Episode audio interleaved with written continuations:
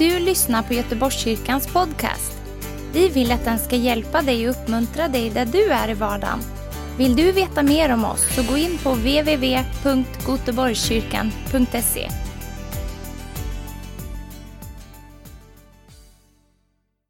Tack Fader för din närvaro.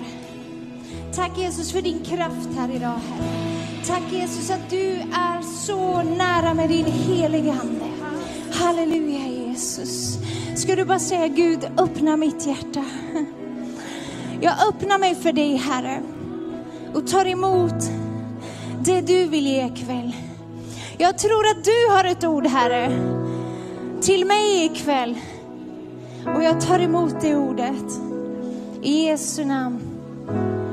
Amen. Tack så mycket lovsångare David, du kan få stanna lite. Om våra kyrkor var ett sjukhus. Boris, den här vågar inte jag ha här. Tack ändå. Yes. Om våra kyrkor var ett sjukhus. Varsågod och sitt förresten. Om vi hade en öppen mottagning. Om det är ett andligt sjukhus så skulle vi behöva ha en akut. Vi skulle behöva ha människor som tar emot människor som kommer in och frågar hur är det? Välkommen, vad kan jag göra för dig? Vi behöver några som snabbt kollar över situationen. Hur, hur dålig är du? Eller hur, liksom, vilken typ av hjälp behöver du? Vi behöver sjuksköterskor, vi behöver akutläkare. Vi behöver den som bara kan sätta sig ner och ta ett samtal. Men först så behöver kanske någon bara skanna av och säga hej, hur är det? Som inte ställer en diagnos utan bara säger, du kanske behöver en själavårdare. Du kanske behöver förbön. Du kanske bara behöver få höra att någon älskar dig. Att du är fantastisk som du är. Är det inte ändå så med våra kyrkor att tanken är att vi ska ta hand om människor? Eller har jag missuppfattat det hela? Får jag vara väldigt rak ikväll? Tack Paul Jan. Synd att inte du är med i Göteborgskyrkan, men vi har många sådana här också. Jag vill bara vara så rak ikväll, för jag känner att det brinner en eld på insidan. Det brinner en eld att få ge dig ett ord som jag bara längtar efter att det ska förvandla ditt och mitt sätt att leva. För jag är trött på att vara den jag är just nu. Inte för att det är dåligt, men jag vill komma vidare. Jag vill växla upp, vill du det? Vill du komma vidare i ditt kristna liv? En person kanske behöver intensivvård. Någon kanske behöver snabb förbönshjälp. En församling behöver vara på tå. Men om jag säger så här, är församlingar alltid det? Så är svaret nej, tyvärr. Men vi behöver vara det. Tänk om sjukvården hade börjat med uppsökande verksamhet. Jag fattar, hela systemet skulle krascha. Det räcker knappt till som det är nu. Men jag tror att församlingen är till för att vara uppsökande.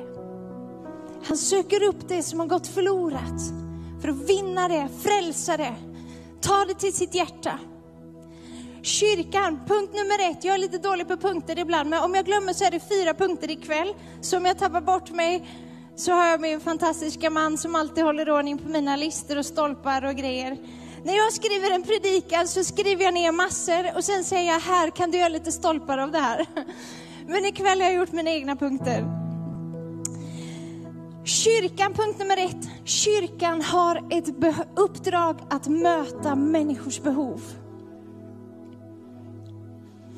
Automatiskt så börjar kanske du, när jag pratar om det här med sjukhus, hur många började tänka efter, vart skulle jag vara i det här?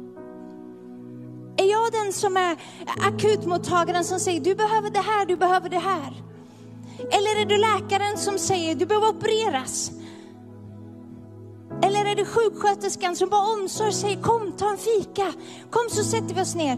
Jag vill bara liksom känna pulsen på dig, se hur det är för att se om jag kan ge dig vidare till någon annan. Du kanske behöver mer hjälp. Du kanske behöver mer, djupare samtal, mer förbön. Du kanske behöver någonting annat. Var i den här kontexten applicerar du dig själv? Vad tänker du att du är? För en församling är ju liksom inte, eh, eh, det här har varit en biograf förut på 50-talet. En församling är ju inte en, bi en levande biograf. Eller hur? Dit vi kommer för att liksom tanka på lite, för att gå ut och leva livet likadant igen. Det här är ju en levande verksamhet där vi vill göra skillnad i människors liv. Eller hur? Så det känns ju självklart med ett fysiskt sjukhus. Men kyrkan är platsen där människor ska få läkas, upprättas, försonas, få förbön, få känna liksom vila. Är det någonting som människan behöver så är det frid. Frid som övergår världens förstånd. Världen fattar inte vad det är för frid som Gud har att ge. Men Gud har en frid som han vill ge till dig och mig och alla människor där ute.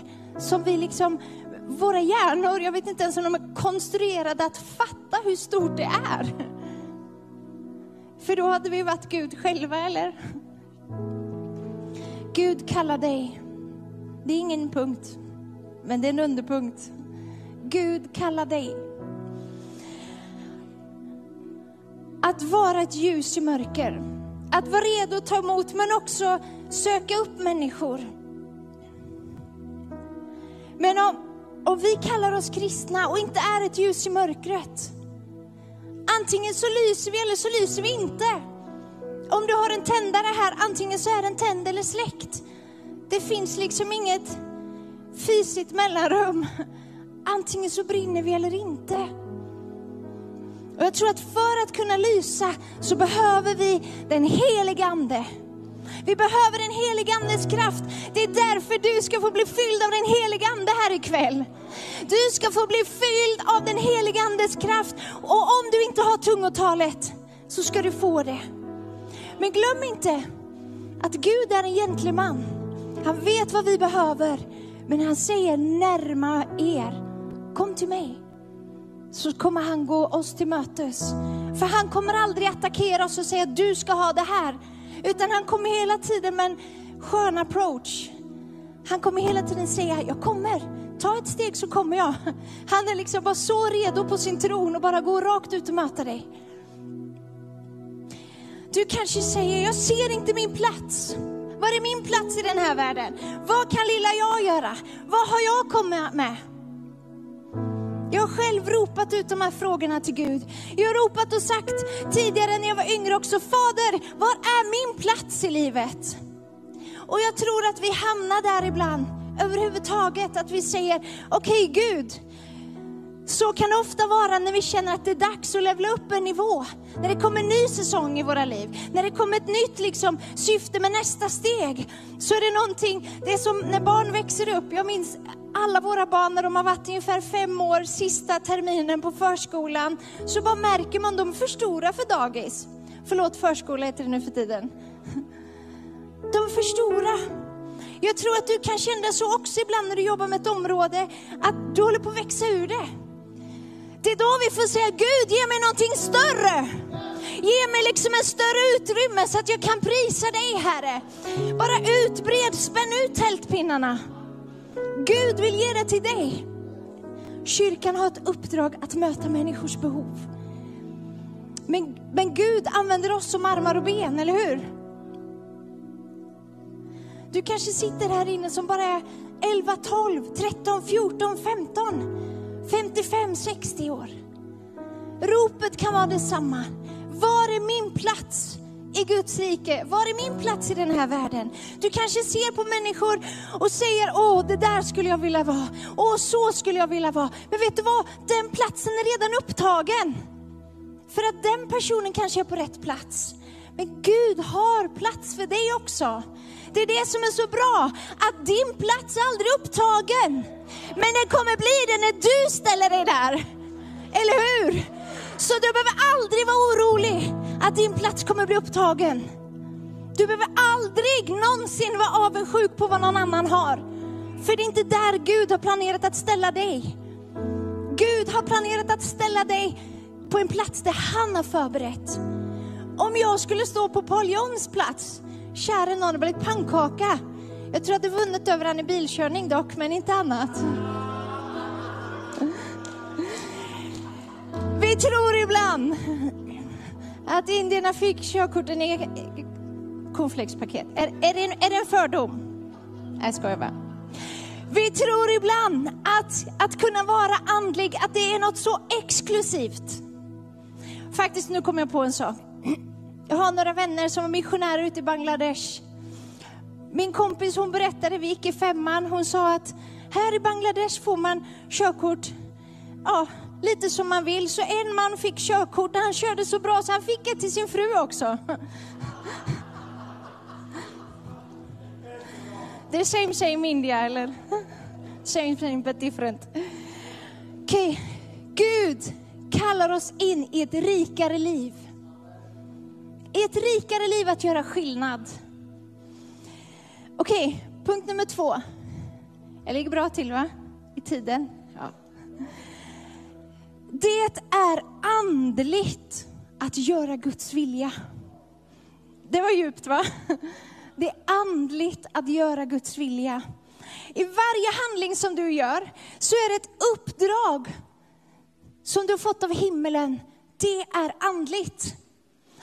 Hela den här är full av uppdrag från himlen. Vad är det står? Vi har hört hela helgen nu.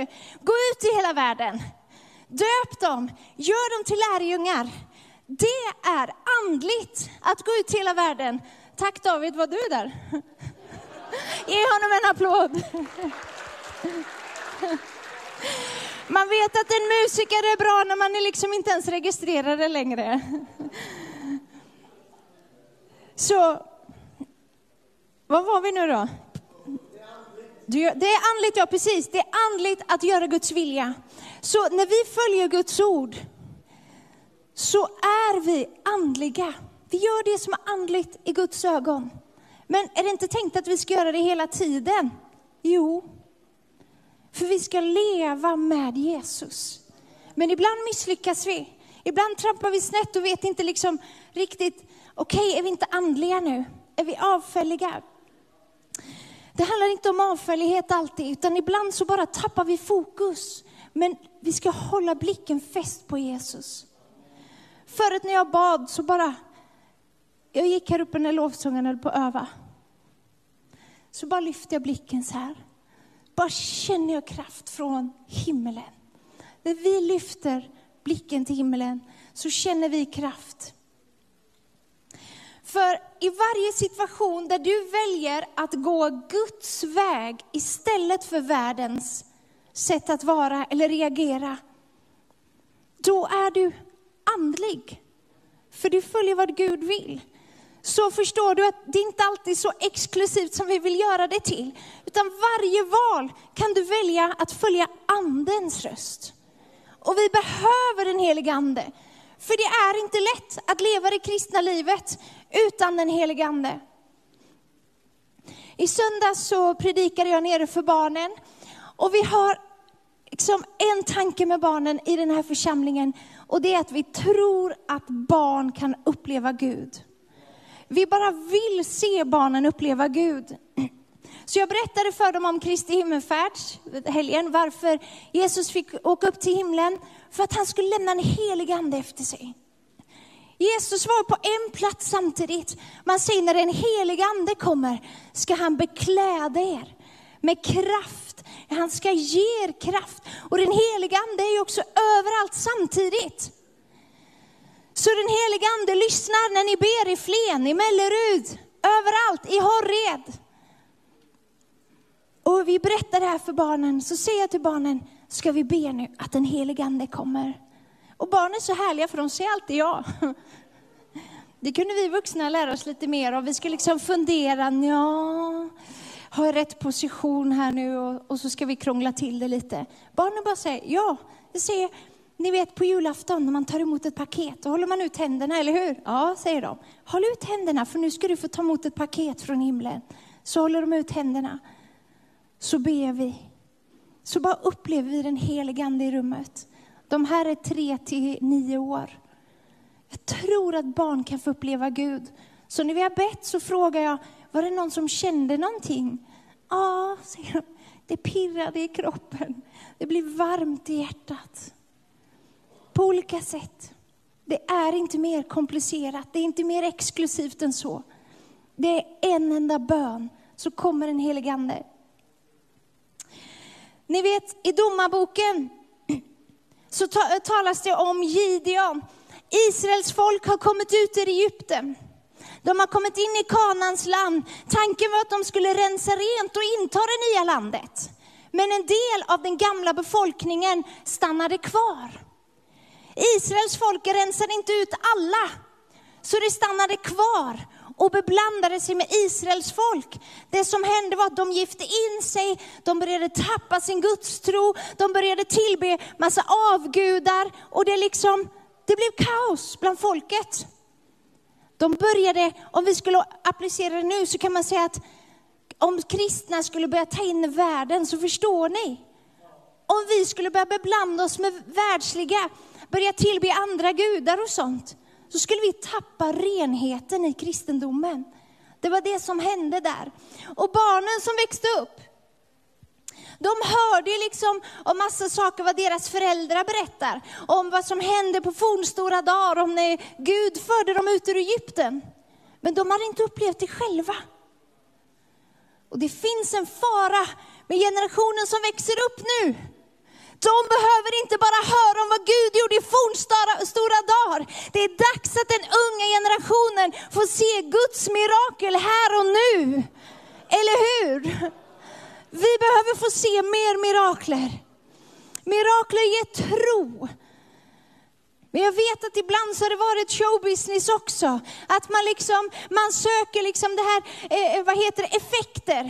Man söker liksom det spektakulära och, så, och vill liksom se massa häftiga grejer.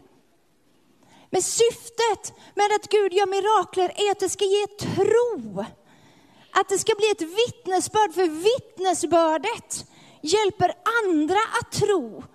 Det är inte till för att kristna bara ska stå och titta på på mirakler och samla liksom i sin så här dagbok, så här mirakel 1, mirakel 2, mirakel 3. Precis som man samlade sig My Little Pony-klistermärken när man var liten. Ni som är lite äldre har varit med om det, ni vet vad jag menar, eller hur? Det är inte läge att vi ska samla klistermärken i vår andliga bok. Tanken är att vi ska gå ut och låta människor få tro av det som Gud gör idag. Köttet vill alltid hitta en väg tillbaka in i det gamla livet. Köttet vill alltid ha ett återfall.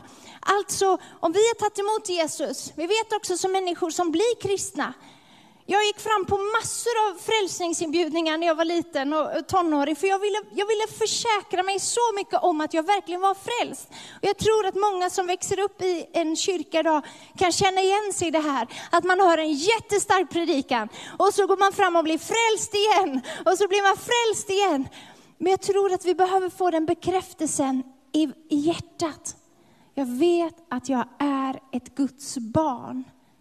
Självklart är det inte fel att söka Gud, men tacka Gud för att han älskar dig. Frälsningen försvinner inte för att vi gör ett misstag. Frälsningen är ett beslut i våra hjärtan. Ett beslut, ett sätt att leva. Men vi kan fortfarande få återfall. Alltså att trampa tillbaka till världens sätt att leva. Frestelser, olika saker. Jag vet att det är många unga kristna idag som vill vara som alla andra på skolan. Där klasskompisarna inte ens vet att du är kristen. Vad har vi förlorat egentligen? Jag tänker så här ibland, om Jesus kommer tillbaka nu, det har man ju sagt i 2000 år, men om Jesus kommer tillbaka nu. Det, vi sjöng en så här sång med Einar Ekberg när jag var liten som jag hörde, ska det bli några stjärnor i kronan jag får? Som att jag får stjärnor för dem jag ber mig till frälsning. Och jag har tänkt så här ibland.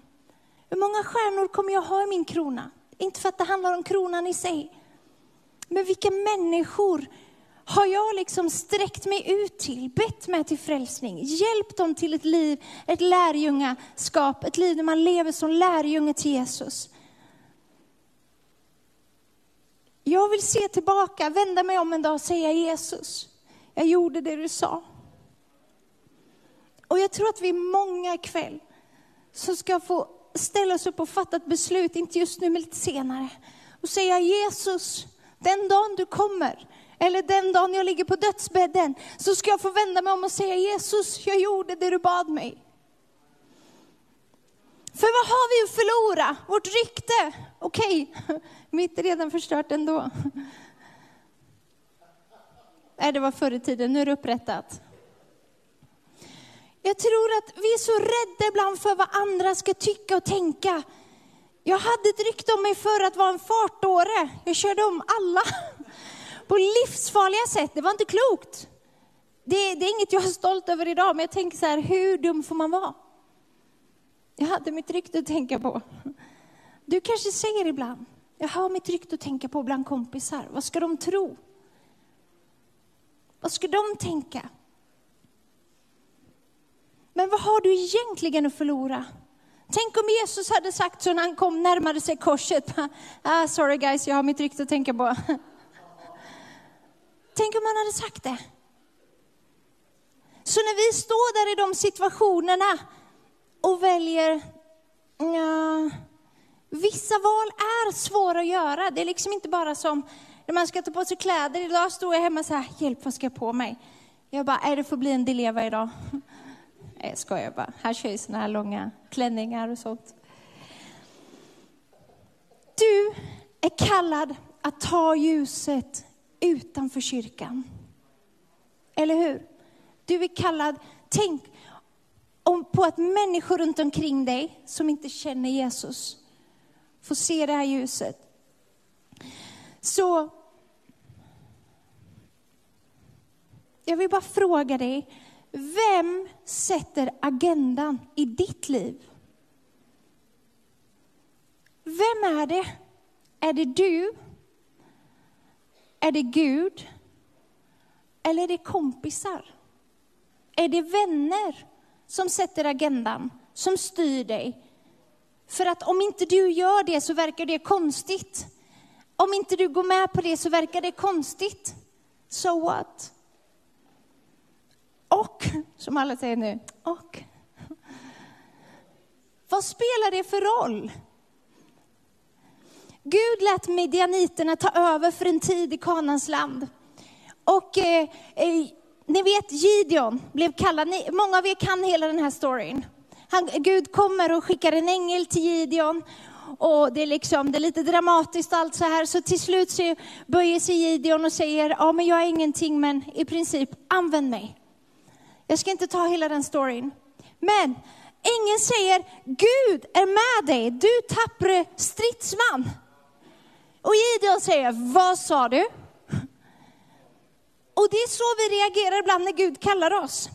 Så svarar många unga människor idag. Då säger Gideon så här, om Herren är med oss, hur kan allt det här hända då? Och var är alla under som alla våra föräldrar pratar om? Du tronar på minnet från fornstora dagar. Jag vill inte leva så. Jag vill vara en mamma som berättar, som visar på en tro där jag lever. 100% för Jesus. Jag är en vanlig människa av kött och blod, jag misslyckas, jag blir arg, jag skäller på mina barn och ni vet allt det här. Jag förstår att du ser lite förvånad ut, men nej jag skojar. Alla som är föräldrar vet vad jag menar, eller hur? Man liksom tappar det ibland, man blir för arg. Men nu har jag så otroligt snälla barn, så jag är så tacksam för det. Yes, amen. Gideon hade en stor armé på 32 000 man. Den reducerades till 22 000.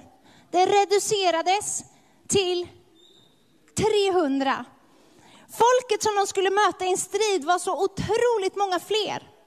Men Gud skickar ett profetiskt ord in till Gideon. Han stärker Gideon. Ett profetiskt ord kan göra sån skillnad i situationer. Så när du är rädd så kan du bara be, heliga ande, ge mig någonting profetiskt från Gud. Ge mig ett ord som jag kan hålla fast vid. Gideons armé är på väg att slå gideoniterna, men innan någon av dem kommer, då kommer det här profetiska ordet och Gideon ger instruktioner om hur de ska omringa hela lägret. De ska hålla en fackla i ena handen och de har en trumpet och de har en kruka. Och så smäller de krukorna, så blåser de i trumpeterna. Du kan ju tänka dig när de blåser 300 trumpeter. Det låter. De skrämde hela midjaniterna, så de, det står att de flydde. Medan midjaniterna var så otroligt många fler. Varför reducerade Gud, alltså minskade de armén? Gud kallade Gideon till att vara en krigare. För Guds syfte. Han reducerade armén för att inte de skulle ta åt sig äran själva. Vi ska inte söka det här, ta åt oss äran själva för vad Gud gör. Vi ska inte söka att, att leva på ett sätt där vi hela tiden får bekräftelse för så fort vi gör någonting som är andligt. Det ska vara vardagsmat. Det ska vara det naturliga. Det är en sak som ringer i mig ikväll. Och det är att en ung generation ska få se under och tecken. I den helige Andes kraft. I den helige Ande. Gud vill ha dig. Se inte på andra, vad de har, vad de borde ha. För du är perfekt för uppdraget. Eh, Senai, vill du lägga upp en bild här? Jag har en bild som är så otroligt bra och så talande. We want not you, not your CV. Visst är det skönt? Okej, okay. jag såg inte att reklamen var kvar än. Espresso House, we want you, not your CV. Hur många är det som inte känner ibland att jag måste ha tillräckligt många andliga meritpoäng? Jag måste ha en snygg CV för att kvala in och göra det här för Gud. Jag skulle aldrig kunna bli ungdomspastor om inte jag har gått igenom de här levlarna först. Liksom. Jag skulle aldrig kunna göra det här om inte jag har gjort det här och det här och det här först. Gud säger, I want you, not your CV. Jag behöver inte vad du är bra på. Jag behöver inte att du kan allt det här och det här. Tror du inte Gud redan har tänkt på det? Alltså hur dumma är vi ibland? Det är klart att Gud vet vad du och jag har, om han kallar oss till något. Han skulle ju aldrig liksom kalla mig till vara något lugnt, snällt, fint, där man ska sitta still och vara mysig hela dagarna. Det gör jag ibland också, men jag älskar när det rör på sig. Så nu jobbar jag både i församlingen här och på en skola på högstadiet och där rör det på sig. Det är fantastiskt roligt. Jag älskar, de, här, de som stökar mest, det är de jag älskar mest. Här i onsdags, eller förra onsdagen, så fick jag ha käppel på skolan. Och vi har ju muslimer och många ortodoxa och allt möjligt på skolan.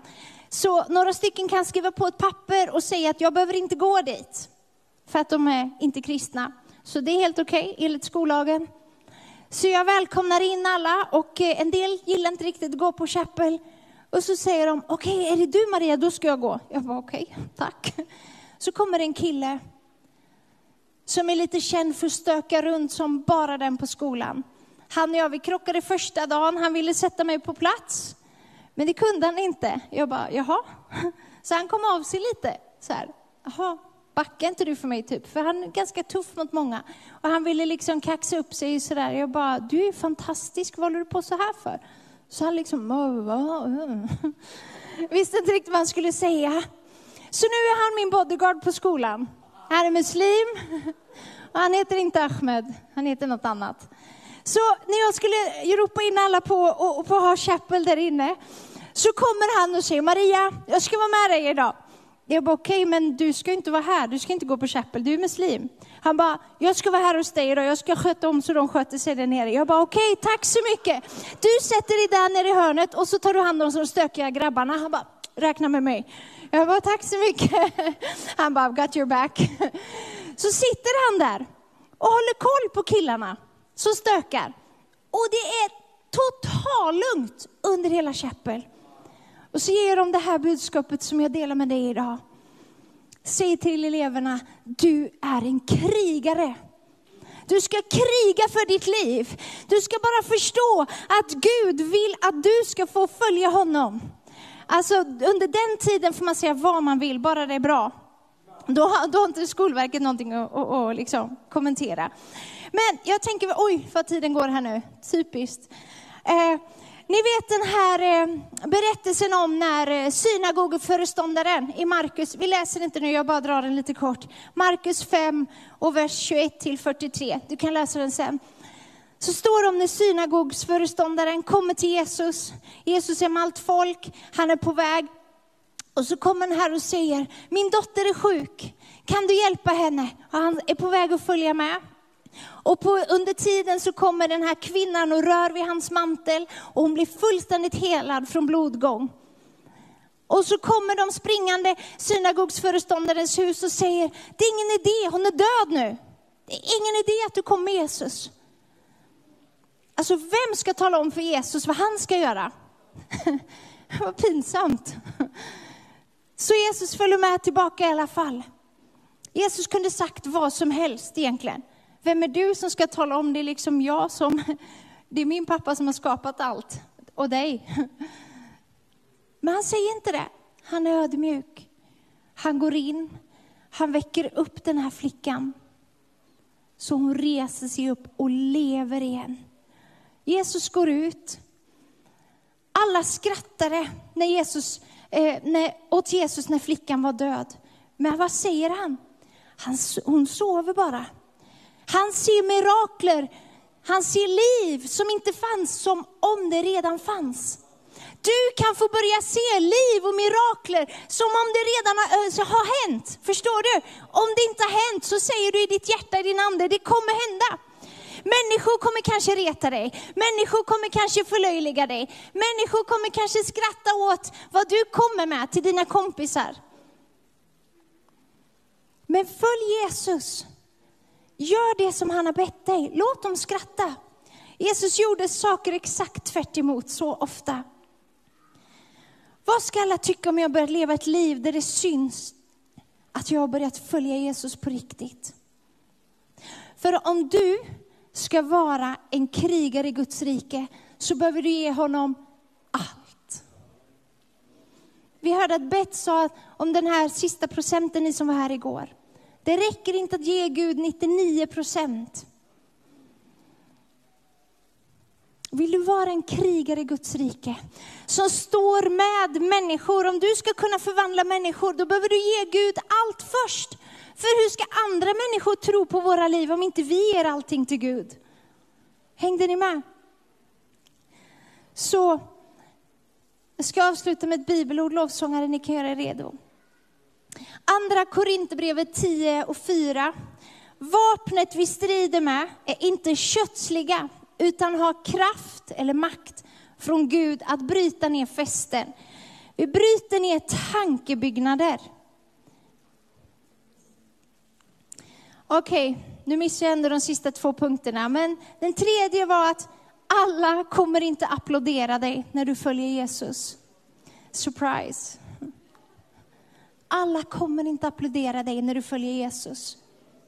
Den fjärde punkten är, gör det som är rätt, när, även när ingen ser på. Allt det här är sånt som ingår i paketet om du vill vara en krigare för Jesus.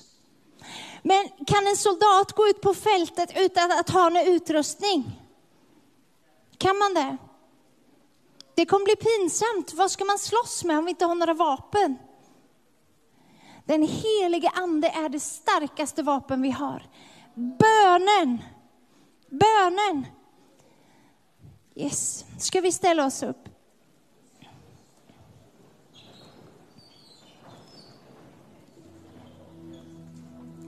Tack Jesus.